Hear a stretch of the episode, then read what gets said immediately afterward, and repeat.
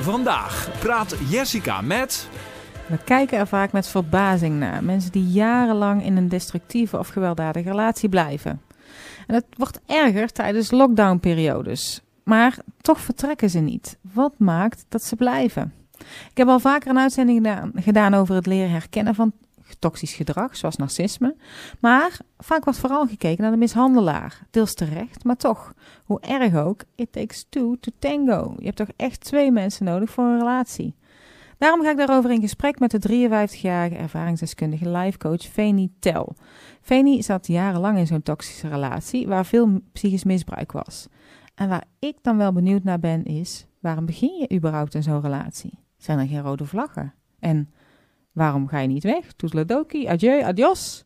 Na een relatie van 22 jaar en nog veel langer therapie maakte Feni een ommekeer. Dusdanig dat ze nu anderen helpt het destructieve gedrag van de ander, maar ook dat van jezelf te doorzien. En daarom gaan we het hebben over codependency, oftewel de afhankelijke pleaser, en hoe dat in stand blijft. En ook wat dat met verslaving en bliksemafleiders te maken heeft. En waarom ik hou van jou niet altijd liefde is. Maar ook over Feni's weg eruit, over regie nemen over je eigen leven en de kracht die daarmee vrijkomt. En hartelijk welkom, Feni, fijn dat je er bent. Ja, dankjewel uh, Jessica. En laat ik maar meteen met de deur in huis vallen, uh, Feni. Waarom is ik hou van jou niet altijd liefde? Ja, het is natuurlijk zo'n zo'n gangbaar iets, hè? Ik hou van jou.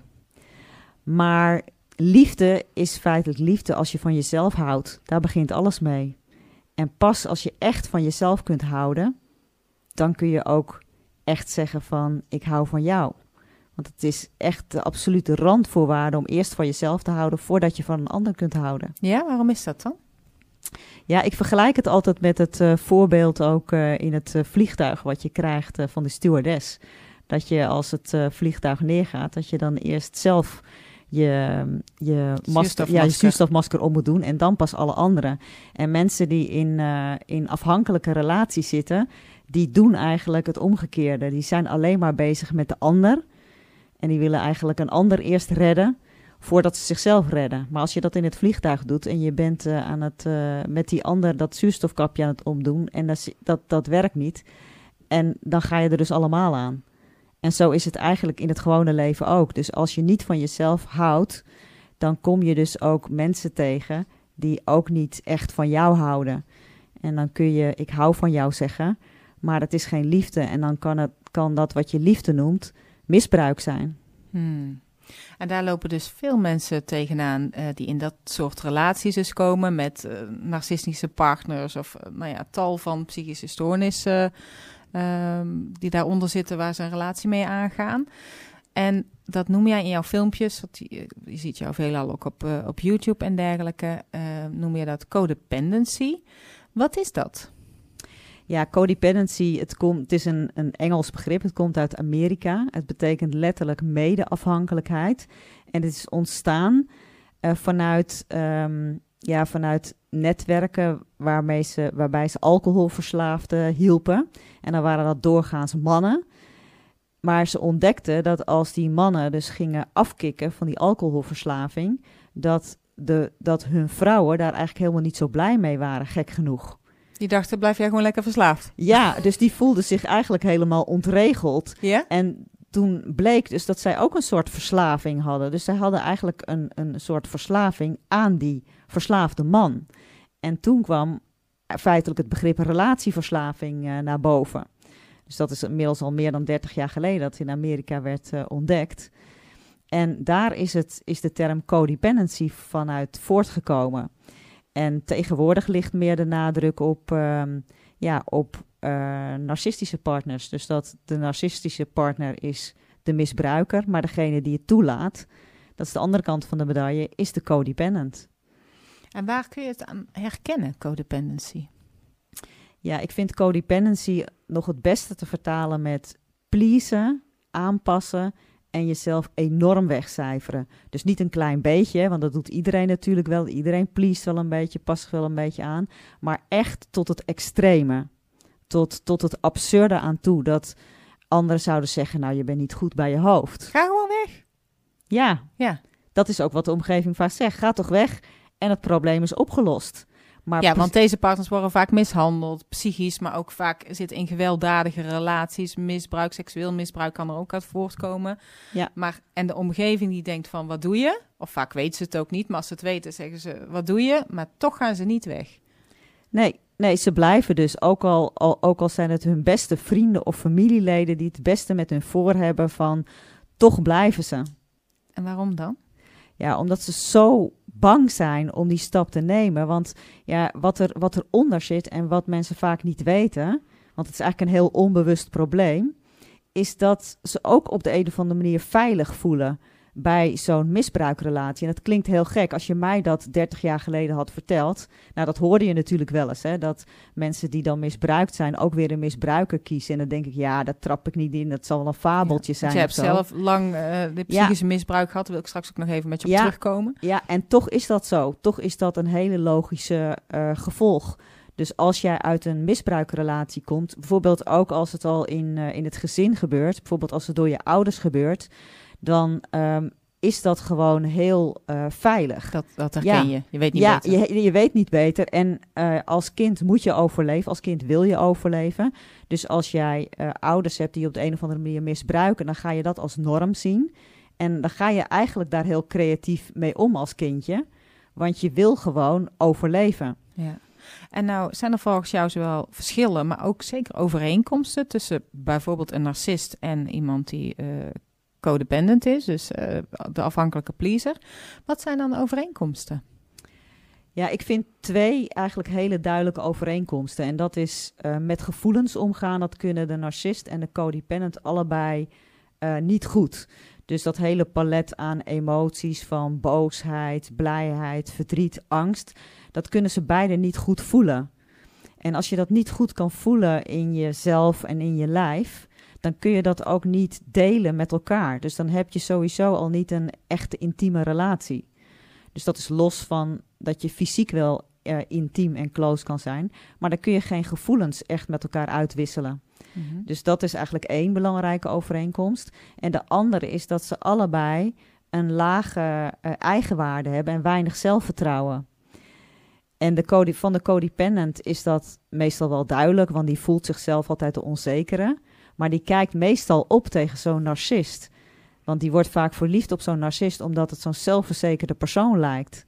Vaak charmant ook. hè? Ja, vaak charmant. En dat is die persoon ook naar de buitenwereld. Maar het is een masker, dus het is niet echt.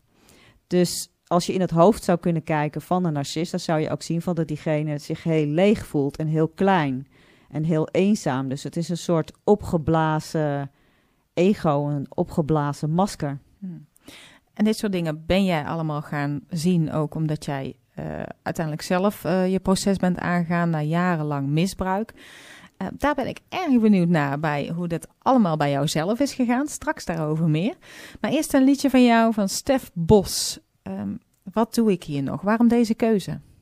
Ja, het is een liedje wat ik afgelopen twee weken pas voor het eerst ontdekt had. Ik vond het heel mooi. Ehm, ik heb niet zo heel veel meer met traditionele geloven en de kerk. Maar hij kreeg de opdracht om een aantal liedjes uit de Bijbel, om die op een eigen tijdse manier er te vertalen, zodat die los stonden van, van welk geloof maar ook. Wat houdt mij nog vast? Wat een prachtig nummer van Stef Bos. En je hoort hem zingen, wat doe ik hier nog? Wat houdt mij hier nog vast? Eh Venitel, eh ervaringsdeskundig lifecoach op het gebied van narcisme en codependency. Ehm, je hebt zelf 22 jaar een relatie gehad met een narcist. Hoe, hoe ontstond dit? Want jij had op een gegeven moment ook zo, zoiets van, wat doe ik hier nog? Ja, klopt. Dat heb ik eh, heel lang in mijn leven inderdaad gehad. Maar het begon in mijn eh, adolescentie eigenlijk eh, van jaar of 18. Ja. En ik zat toen in een driejarige relatie. En ja, ik had de burn-out had ik al gehad. En ik zag het echt helemaal niet meer zitten. Ik wou eigenlijk gewoon van deze planeet verdwijnen. En toen, ja, op een gegeven moment kwam mijn toenmalige relatie...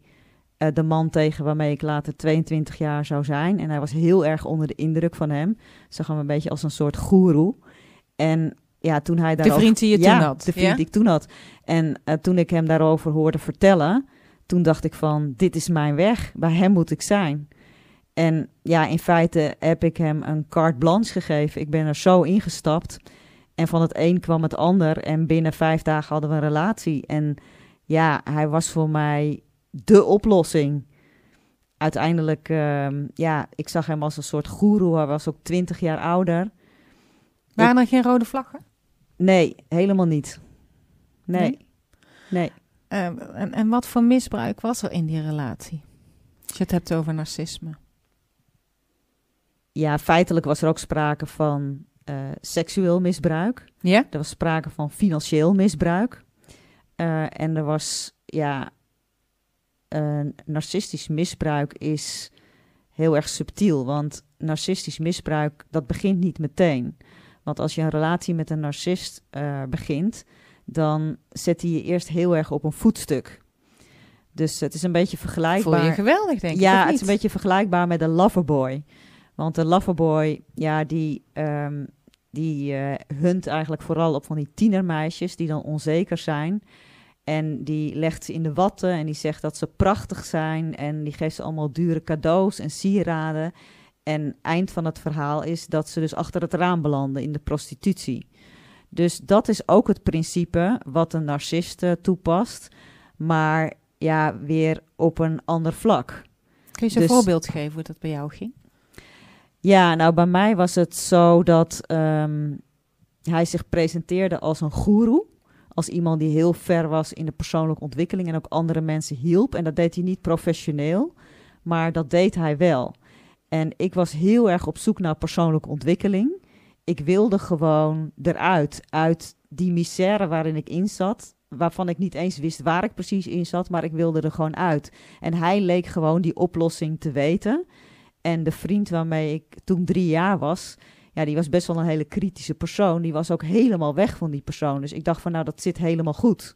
Dit is de Messias. Ja, en hij zei bijvoorbeeld ook ehm, ja, dat hij bijvoorbeeld niet aan seks deed. En ehm, ja, na vijf dagen vroeg hij me al om ehm, het bed te delen, want hij zou me genezen. Op die manier ook. Genezen waarvan? Ja, van mijn trauma's.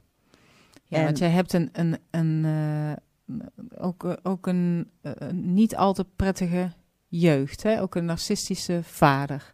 Ja, Toch? klopt. Ja. Ja. Ligt daar dan ook de link naar jouw latere relatie?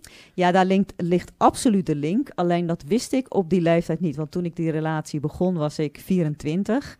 En pas toen ik 46 was, dus na die 22 jaar, toen zijn pas die kwartjes gaan vallen. En pas toen ik die relatie beëindigde, had ik zoiets van: ja, maar dit kan toch niet? Want ik ben een intelligente vrouw. Ik ben ehm, een mooie vrouw. Ik ben verder gezond. Van hoe kan het dat ik zulke extreme keuzes heb gemaakt? Daar moet iets aan ten grondslag liggen. Mhm. Dat is niet uit de lucht komen vallen. En toen ben jij eh, daar in therapie ook nog veel meer ingedoken dan. Ja, Ik ik had, lang al, therapie gehad, ik hè? had al heel lang therapie gehad. Dus ik had al vanaf mijn 21 had ik therapie bij ja, GGZ. RIAG heette dat toen nog. Maar daar kwam dat toch niet naar boven. Dus ehm, we hebben heel lang eigenlijk om de brei heen gefietst. Mhm. En dat is iets wat vaak gebeurt, wat ik ook bij mijn klanten heel vaak eh, merk. Ja? Ja. En ehm, ja, dan is er blijkbaar toch nog meer nodig. Maar toen ik dus op een gegeven moment echt uit die relatie stapte, ja, toen gingen alle kwartjes wel vallen. Mhm. En toen eh, ja, bleek ook dat het wel degelijk ook vanuit mijn jeugd eh, voortkwam. Ja, ja. En nou, ehm, zei jij tegen mij aan de telefoon toen we, elkaar spraken voorafgaand, zei de spirituele narcist, die je dus veel ziet in spirituele en in persoonlijke ontwikkelingskringen, dat is de gevaarlijkste narcist die je maar tegen kunt komen. Waarom is dat? Ja, dat klopt. Omdat sowieso een, een narcist die eh, bedekter is, dus die, eh, die minder omzichtig opereert, is Ja, dus gevaarlijker. Er zijn twee verschillen, even voor de luisteraars om het uit te leggen. Je hebt de open narcisme, nou daar ziet iedereen wel van, van nou, da- dan moet ik weer uit de buurt blijven. Die heeft zo'n groot ego, of die is zo dominant aanwezig, laat maar zitten. Maar dan heb je ook nog de verborgen narcisme. En daar is het veel moeilijker van te herkennen. Zeg Ja. dat zo goed? Klopt. Ja, de verborgen narcist is vaak ook wel iemand die gewoon lief is en aardig en niet een hele grote schreeuwer. Het is eigenlijk meer een wolf in schaapskleren, maar wat je ziet aan de buitenkant is dat schaap. Dus Die ja, bijvoorbeeld zegt net als tegen jou, ik wil jou helen. ja, ik, wil- seksueel gebied. ja. En, en ehm, ja, ik heb zelf dus ook eh, seksueel misbruik meegemaakt. Dus in mijn jonge jaren. Dus weet je, op de een of andere manier, kijk, als je dat niet hebt meegemaakt, dan zeg je ja, eh, dag, weet je wel. eh, dat is lekker, weet je wel. Dan trap je daar niet in. Maar als je dat al met een paplepel bent ingegoten, dan ga je daar toch in mee. Hoe gek dat ook klinkt en hoe intelligent je ook bent. Mhm. Ehm, daar bied je dan geen weerstand tegen. En als ik terugkijk, ja, waren er toen wel signalen? Tuurlijk, tuurlijk waren er toen signalen. Dus mijn intuïtie zei ook wel, ja, dat is gek. Van, hij zegt eerst van, ik doe niet aan seks. En Ja. dan in één keer na vijf dagen is hij zo verliefd op me en wil hij me helen en moet er meteen de koffer in. Mhm. Dus ja, dat is natuurlijk raar.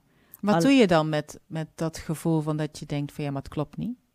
Druk je het dan weg? Of doe je het dan net of het er niet wat, is? Of wat, hoe ja, wat dan? ik, wat ik deed was, ik druk het dan weg.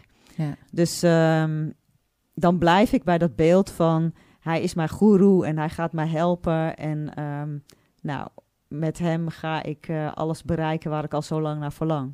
Ja. En nou, ehm, zeg jij dat jij continu verslaafd bent geweest eigenlijk? Eh, Ook aan deze relatie. Hoe zit dat? Ja, ik heb eigenlijk ben ik mijn hele leven al verslavingsgevoelig eh, geweest. En dat was in het begin, zeg maar tot mijn zestiende, was dat verslaafd aan een soort prestaties leveren. Dus het heel goed doen op school. De beste van de klas zijn heel, heel goed uitblinken met eh, turnen, met muziek, met sport. En toen ik 16 was, heb ik dat allemaal eigenlijk laten vallen. En toen dacht ik, nou, dan ben ik vrij. Maar toen zette zich meteen een andere verslaving in. Dat was eetverslaving, ofwel bulimia. Dat je echt de pletter eet en dat je alles wegeet. En nou, dat voelde als heel erg eenzaam. En dat heb ik tot mijn 21ste, 22ste gehad. En toen kreeg ik mijn eerste relatie. En toen stopte die eetverslaving weer. Dus toen ging dat op mijn 21ste gewoon weer, gewoon weer over in een relatieverslaving. Of een verslaving aan narcistische relaties. Want wat, wat, wat is het dan waar je dan verslaafd aan bent? Waar krijg je dan de kick van? Nou, je krijgt, je krijgt de, de, de kick van dat je maar niet de pijn hoeft te voelen. Want als je dus... Die weggestopt ja, bij jou zat. Je hebt dus, je hebt dus een, een levensgrote pijn die je gewoon niet wil voelen. Dus dan ga je van allerlei dingen doen. Of dat nou presteren is, of dat dat nou eten is, of dat dat nou relaties. En daardoor hoef je dus niet met jezelf bezig te houden. En eh, voel je dus die pijn niet. Want je wil die pijn voor geen goud, wil je die voelen. Ja, als ik jou zo hoor, dan was die pijn ook levensgroot. Ja, die pijn is dan te groot en je bent ook heel bang voor die pijn. Ja, dus, Dus- eigenlijk een, die verslaving is dan, net zoals andere verslavingen eigenlijk, mag ik het zo zeggen, gewoon een overlevingsstrategie? Ja, een overlevingsstrategie. En er was ook wel eens een keer een therapeut die zei van... ja, je moest je toch ergens aan vasthouden. Dus eh, dan is het leven zo bedreigend... Dat je, ja, dat je kunstmatige middelen gaat zoeken om je maar overeind te houden. Ja. En dan ga je het op een gegeven moment verder aan. Je zet, je hebt een punt achter die relatie. Wat was het moment dan dat het voor jou klaar was? Ja, ik heb het heel erg lang volgehouden. Want ja, hij leek gewoon de mooiste man die er was. En hij had ook allerlei beloftes, ook op het gebied van projecten. Want ik wilde ook heel graag, eigenlijk wilde ik samen met hem de wereld gaan veroveren. Met allerlei projecten. En dat lukte allemaal maar steeds niet. Dus het was eigenlijk een grote luchtballon. En iedere keer had ik wel weer een excuus ja, dat hij er niks aan kon doen. En ehm, ja, uiteindelijk, ik was degene die ook alleen maar werkte. Dus ik heb hem 22 jaar ook financieel onderhouden. En ja, er kwam maar gewoon niks van, van al die projecten. En onze relatie was ook gewoon ja, steeds minder. En op een gegeven moment, ik had echt alles, alles, alles geprobeerd wat een mens kan proberen om het te laten slagen. En toen dacht ik, het gaat gewoon nooit meer gebeuren. Het was gewoon einde verhaal. De, de, ja, de illusie was gewoon helemaal weg. De ballon was doorprikt. Ja, de ballon was doorprikt. Dus ja. toen ging je vanuit het overleven naar, eh, naar leven. Komen we zo op terug. I will survive. Gloria Gaynor. Wat een krachtige stem heeft eh, Gloria Gaynor toch. En het liedje, eh Fanny door jou aangevraagd, I Will Survive, slaat ook wel op eh, het narcistische misbruik. Wat op een gegeven moment dat je dat helemaal beu was, er klaar mee was, een punt zetten achter die relatie. En de kracht die jij had onderdrukt altijd in jezelf kwam in één keer vrij. Wat gebeurde er? Ja, dat kwam eh, in één keer vrij. Want ja, weet je, ik was ook bang dat ik het, dat ik, daarom heb, heb ik er ook zo lang over gedaan, dat ik, het, dat, ik die, dat ik dat niet zou kunnen overbruggen. Maar toen ik uiteindelijk dat besloot en wegging, toen kwam die kracht in één keer vrij. Dus daar waar ik mijn hele leven te kampen had met te weinig zelfvertrouwen, kwam dat zelfvertrouwen in één keer los. Net alsof de zon doorbreekt, die er altijd al was, en die dan achter de wolken doorbreekt. En dat je in één keer merkt van, hey, ik ben sterk. En dat was een openbaring, want waar ik mijn hele leven een self-made man had gezocht, waarvan ik dacht van, die heb ik nodig, merkte ik toen, ik ben een self-made woman geworden. En dan kom ik toch ook terug op het stukje uh, waar ik het in het begin over had, van, uh, of waar we het in het begin over hadden, van uh, liefde. Hè? Is het dan liefde geweest wat je voor hem voelde? Nee, het was misbruik. Vanuit jou? Nee, vanuit hem. Ja. En, um, maar ja, het is als kind ga je iets heel creatiefs doen. Dus het is eigenlijk een soort creativiteit die ook bij dat misbruik ontstaat. Dus wat je gewoon ziet als je dus misbruikt bent uh, op jonge leeftijd, dan is de code die je hebt van een man die van me houdt, is een man die me misbruikt. Dat zit aan elkaar gekoppeld. Hmm. Dus dan. En dat denk je dan dat het liefde is? Ja, maar dat is onbewust. Hè? Want als je dat bewust zou zijn, zou je dat niet, niet doen. Maar omdat het een onbewuste code is, zoek jij onbewust naar mannen die jou misbruiken. En daar ga je dan van houden. Ja. En mannen die aardig zijn, die laat je gewoon lopen. Dus je keert het om. En ja, dat is natuurlijk gewoon in je jeugd ontstaan. Omdat als jij misbruikt wordt door een van je ouders, ja, die kan je niet met bokshandschoenen het uh, wiegje uitslaan. Dus Ja. jij moet wel overleven. Dus het enige wat je kan gaan doen is bevriezen. Dus als mens kan je vluchten en vechten of bevriezen. Maar als babytje of als klein kindje kan je niet vluchten. Je kan niet weg. En je kan niet vechten. Dus het enige wat je kan doen is bevriezen. Dus dat is wat je doet. Dus En doorgaan in het patroon dus eigenlijk, Ja. wat je gewend bent. ja, En dan, dan komt daar dus naar jarenlang misbruik, na jarenlang eh, therapie, meer dan twintig jaar therapie heb je gehad. Dan komt die kracht vrij. Hoe voelt dat dan? ja, dat weet je, aan de ene kant is dat. Het, het is geweldig, maar het is, het is een dubbel. Het is pijnlijk en bevrijdend tegelijkertijd. Want je voelt ook nog de pijn van het loslaten. Want ergens heb je datgene wat dat misbruik was, wel als liefde bestempeld. Dus weet je, ik zag mijn eh, partner toen, waarmee ik 20 jaar was, als mijn soulmate. Als mijn aller, aller, allergrootste liefde. Ik was bereid om alles voor hem te doen. Tot aan het einde van de horizon en ver daarna. Bijzonder toch, hè? Hoe, Dus- dat, hoe dat het kan gaan Ja. in, de, in je mind dan. Nou, dat is ook weer een creatieve oplossing van de mens. Dus dat als jij die liefde niet gekend hebt, dat je toch iets wel bestempelt als liefde. Dus dat je dat misbruik als liefde gaat bestempelen. En daarmee hou je het eigenlijk vol. Daarmee blijf je overeind. Totdat de tijd rijp is dat je ziet dat het anders is. En dan, ja, dan heb je die bescherming niet meer nodig. En dan kan je echt gaan ontdekken wat liefde is. En dat begint altijd bij jezelf. Hm. En het begint bij jezelf. Wat ben je gaan doen toen dan? ook weer ehm, therapieën, maar toen wel met het verschil dat ik mezelf als regisseur in dat therapieproces heb neergezet. Dus als kapitein op mijn eigen schip. Ik wist dat ik therapie nodig had, maar ik ben ehm, dat zelf gaan regisseren. Dus, ehm, en op dat moment was er nog heel weinig heling voor narcistisch misbruik in Nederland. Dus ik ben toen ook eh, naar Amerika gegaan. Of eigenlijk had ik telefonisch, zeg maar, veel eh, therapie met eh, Amerikaanse therapeuten. En zo ben ik ondersteund met ook een aantal Nederlandse therapeuten daarvan eh, vrijgekomen.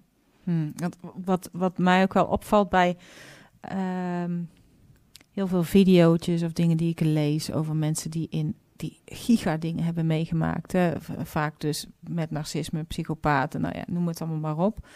En dan hebben ze het over vergeving. Alsof dat de oplossing is voor al je problemen. En ik vind daar toch iets naars in, eh, in zitten. Ik kan me voorstellen dat je het aangaat, dat je het een plekje gaat geven en daarmee zover als mogelijk loslaat. Maar vergeven, dat, poeh, ik vind dat nogal wat. Weet je, dan, dan leg je heel de verantwoordelijkheid. En als jij dan niet vergeeft, dan ben je ook nog eens een boosdoener of zo. Hoe kijk jij daarna? Ja, ik heb ook heel lang heel veel moeite gehad met het woord vergeving. Sowieso vond ik vergeving een soort kerkelijk woord. En ik weet dat er ook heel veel, ehm, ja, de katholieke kerk, daar, daar ben ik dan in opgevoed, dat daar ook heel veel misbruik heeft plaatsgevonden. Dus ik had sowieso al moeite met dat begrip. Maar ik ben vergeving nu wel anders gaan zien, meer in spirituele zin, ook dankzij mijn spirituele coaches. En ik zie vergeving als eigenlijk iets, ja, wat je alleen maar, je kunt eigenlijk alleen maar jezelf vergeven. Dus je kunt niet een ander vergeven, want een, ja, je kunt niet iets voor een ander veranderen. Je kunt alleen maar iets bij jezelf veranderen. Maar waar, waarvoor zou jij jezelf moeten vergeven dan? Nou, omdat je, um, je blijft toch jezelf steeds kwalijk nemen. Dus als je misbruikt wordt, is een beetje het omgekeerde wereld. Dan geef je jezelf de schuld. Of dat Mhm. nou van seksueel misbruik is of van, eh, van narcistisch misbruik. Dat is ook omdat de maatschappij eh, dat ook doet. Dus als jij, eh, dat had ik ook van, ja, als jij dus eh, dat aangeeft ook bij je familie, dan ben jij degene die eruit ligt. Dus jij hebt het gedaan. Dus het is eigenlijk niet zo'n taboe om, er, ehm, ehm, om het te doen, zeg maar, dat misbruik. Maar wel om erover te praten. Maar waarom zou je dan jezelf moeten vergeven? Ja, je moet jezelf vergeven omdat je jezelf vrij moet maken. Dus je, je, je, je beschuldigt eigenlijk jezelf. Ja, Dus daar wil je je- mee stoppen. Ja, dus je geeft jezelf de stoppen schuld met dat jezelf je, de schuld geven. ja, dat niet je meer doen. blijkbaar iets hebt gedaan waardoor dat misbruik plaatsvond. Maar dat is gewoon helemaal niet zo. Oké. Ehm, hey, en, en dan, eh, ja, we moeten naar een afronding. Oh, we zitten al door de tijd heen. André is al seintjes aan het geven. Ehm, toch, een gezonde en gelijkwaardige relatie. Hoe ziet die er dan uit in het kort? Ja, een gezonde, Hoe zou het nu, gelijk- voor- nu voor jou zijn als je het voor zou stellen om daarin te zitten? een gezonde en gelijkwaardige relatie, dat kan tussen twee mensen die allebei eh, niet meer behoeftig zijn. Dus die niet meer de aandacht en liefde van een in een ander zoeken of andere dingen buiten hun, maar die het echt in zichzelf voelen. En als je dat echt in jezelf voelt en verankerd eh, hebt, dan kun je dus samen met een ander die dat ook heeft, kan je een hele gezonde en stabiele en gelijkwaardige relatie aangaan. Alles begint bij jezelf. Ben jij ook gaan doen? Van daaruit help jij nu ook anderen. Wil je meer weten over Feni en de online trainingen en gesprekken die ze doet? Kijk dan op fenitel.nl en Feni schrijf je als Fanny. fanitel.nl Laatste liedje van Harry Jekkers slaat ik wel mooi op het, eh, op het einde waarmee jij eindigt. Van jezelf leren houden. Spreekt de tekst voor zich? Ja, de tekst spreekt voor zich. Ik hou van mij.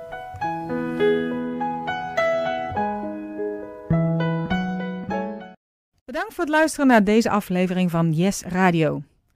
Like en deel deze video en vergeet je vooral niet te abonneren. En neem ook eens een kijkje op onze Facebookpagina en geef ons een dikke like. Tot yes!